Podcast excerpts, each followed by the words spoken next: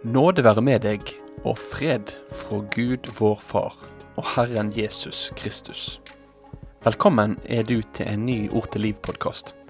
Vi skal nå i dagens episode fortsette vår serie om korset, der vi ser på Bibelens budskap om korset fra ulike synsvinkler. Og I dag så vil jeg at vi spesielt skal stoppe opp for hvordan vi med våre moderne, vestlige øyne kan ha en ganske annerledes grunnforestilling om hva korset er, enn det en romer eller en greker ville hatt som levde på 100-tallet. Jeg håper at denne episoden her kan hjelpe deg til å forstå mer av hva det faktisk var Jesus måtte gjennomgå, for din skyld og for min skyld.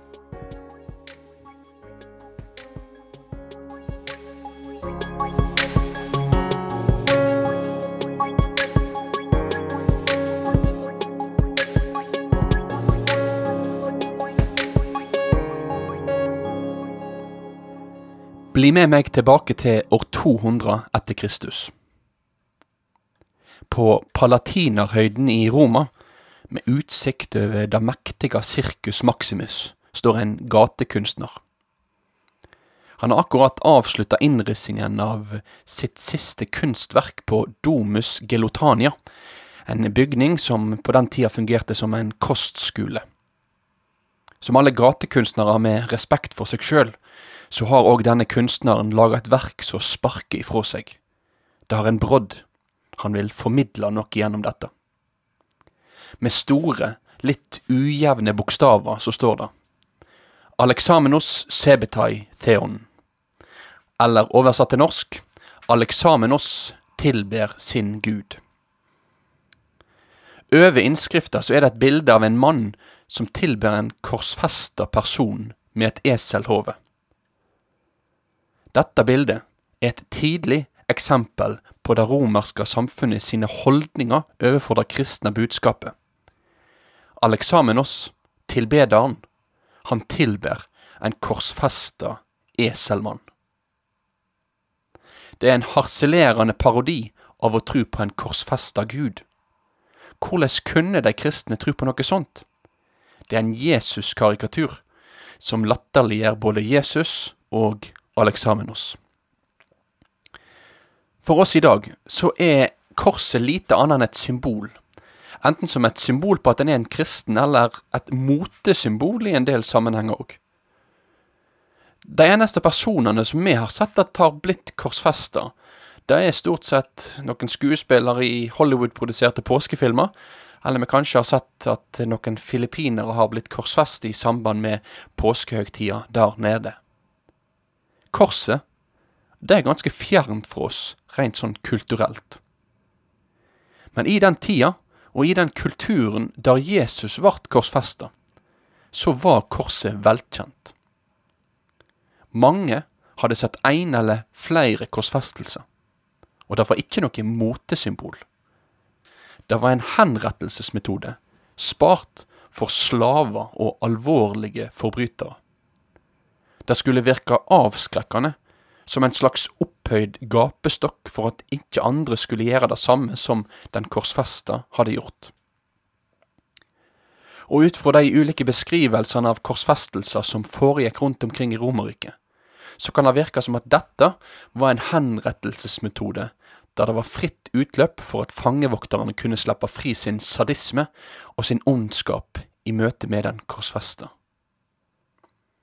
Du var ikke stolt om bror din vart korsfesta. Det var ei skam. Ei skam for heile familien. En romersk borger med respekt for seg sjøl, han ville ikke assosieres med korset. Det var langt under deres verdighet. Ingen med respekt for seg sjøl og egen status ville forherlige korset, for korsfestelse av forbrytere var grusomt. Ingen andre ville forherlige korset enn denne nye, spesielle religiøse retningen som spredde seg som ild i tørt gras i Romerriket, og som òg Alexamenos hadde blitt en del av. Det var absurd, latterlig, ja, rett og slett idiotisk for folk flest. Men likevel så var de første kristne frimodige, ja, faktisk stolte av at de tilhørte og tilba en korsfesta Gud. Og enda mer enn det, Selv om dette var omtrent det verste som kunne skje et menneske, så gikk Jesus, som vi var innom i forrige program, bevisst inn i løvens hule. Han gikk korsfestelsen i møte. Han gikk korsets skam i møte.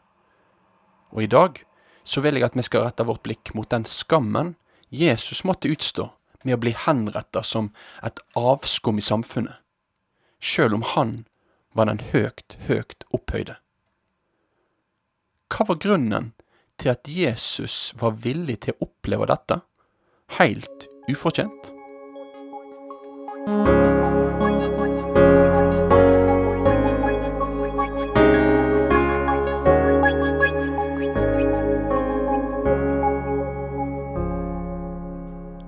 Vi skal lese sammen fra Hebreabrevet kapittel 12, og vi leser vers 1 til 3. Difor, når vi har så stor ei sky av vitner kring oss, så la oss legge av alt som tynger, og synda som henger så fast ved oss, og holde ut i det løpet som ligger framfor oss, med blikket fest på Jesus, trua sin opphavsmann og fullender for å få den gleda som venter, helt han ut på krossen, uten å bry seg om skamma, og han har sett seg på høyre sida av Guds kongstol. Ja, tenk på han som helt ut en slik motstand fra syndere, så det ikke trøtter og ikke blir motløse. Amen. Hovedfokuset vårt skal i dag, pga. temaet til denne episoden, retter seg mot midten av det tekstavsnittet som jeg nå las.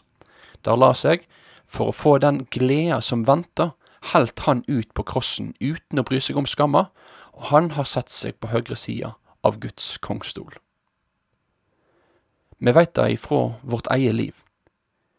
Motivasjonen med hva som ligger framom, den er avgjørende for at vi skal klare å holde ut akkurat her og nå. Når gulrota er stor, så kan òg oppofrelsene som vi er villige til å gjøre her og nå, være ganske store. Men om vi ikke har noe å se frem imot, så er det vanskeligere å holde ut i det som koster. Motivasjon, det er betydningsfullt, og her åpner hebreerbrevet opp for oss om hva som var Jesu motivasjon for å holde ut. Jesus han holdt ut på korset uten å bry seg om skammen. Han hang der med et kongeskilt over seg, men han døde som en forbryter. Han hørte håningen ifra de som latterliggjorde at han liksom skulle være en som kunne berge seg sjøl. Han opplevde at klærne hans, de ble tatt og fordelt. Han døde ikke som en mann med status. De aller fleste av hans tidligere tilhørere, som hadde hylla han som en konge, hadde forlatt han, eller de sto i beste fall på avstand og så på. Bare ei lita kjerne av trufaste venner og familiemedlemmer sto fortsatt ved sida av korset hans. Han var forlatt, spotta, håna. Og én ting er å kunne oppleve å bli spotta når en faktisk har gjort noe galt. Én ting er å bli straffa for en urett som faktisk en har begått. Men han som hang på korset, var den eneste personen i verdenshistorien som egentlig var fullstendig uskyldig. Det kunne jo på mange måter sjå blodig urettferdig ut, men han steig ikke ned fra korset. Han befalte ikke himmelens engler å angripe de romerske soldatene og sette Jesus fri. Nei, Jesus han hang der, han lei. Han holdt ut det uutholdelige, og han døde, sjøl om han fortjente alt annet enn død. Men hebreerbrevet fortalte oss i de versene vi las, om hva som var årsaken til at Jesus holdt ut. Det var noe han hadde satt framfor seg. Det var noe han så fram imot. Han hadde et mål, et ønske. Det var ei glede som bare kunne vært en realitet ved at han holdt ut dette. Det var et herlig mål som bare kunne bli nådd gjennom at Jesus fullførte sin vandring på lidelsens og skammens vei heilt til døden. Jesus hadde sitt blikk gjennom tortur, lidelse og død, trygt festa mot korsets resultat, mot den gleda som venta, mot at han skulle sitte på høyre side av Guds kongstol, som han som hadde rensa oss mennesker fra alle synder. I Hebreerbrevet kapittel 1 så kan vi se hvordan Jesu plassering ved Faderens høyre hånd, og det at han har gjort soning for syndene våre, er noe som henger uløselig sammen. Han skulle sitte der, og han sitter der nå, i dette øyeblikk, som sitt folks konge, som sitt folks frelser, som sitt folks redningsmann. På korset så Jesus fram imot frelsens tilværelse, da hans folk er rensa fra all synd og all urett, fordi synda og uretten er betalt for. En tilværelse der han, Jesus, ved sitt blod har samla seg et folk av alle folkeslag og tungemål, som har det til felles at de har satt sin lit til Jesus. Og han så fram imot ei tid da han skulle ærast for den han i sannhet er. For han som døde som en forbryter, han er den reine. Han som ble hengt opp på skammens tre, er ærens konge. Han som blei latterliggjort som en avmektig liksom-konge. Han er allmaktens evige og ekte konge. Korset var et skammens tre. Men Jesus utholdt skammen, og han oppmuntrer oss, blant annet gjennom hebreabrevet, til at vi òg skal utholde den skammen som vi kan komme til å måtte oppleve fordi vi tror på Han. For framfor oss ligger det ei glede. Jesus har gått foran oss i døden.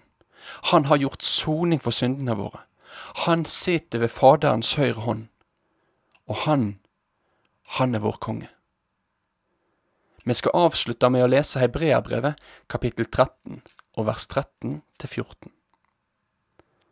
La oss da gå ut til Han, altså Jesus, utenfor leiren og bære Hans vanære. For her på jorda har vi ingen by som varer. Vi lengter etter den som skal komme. Amen. Da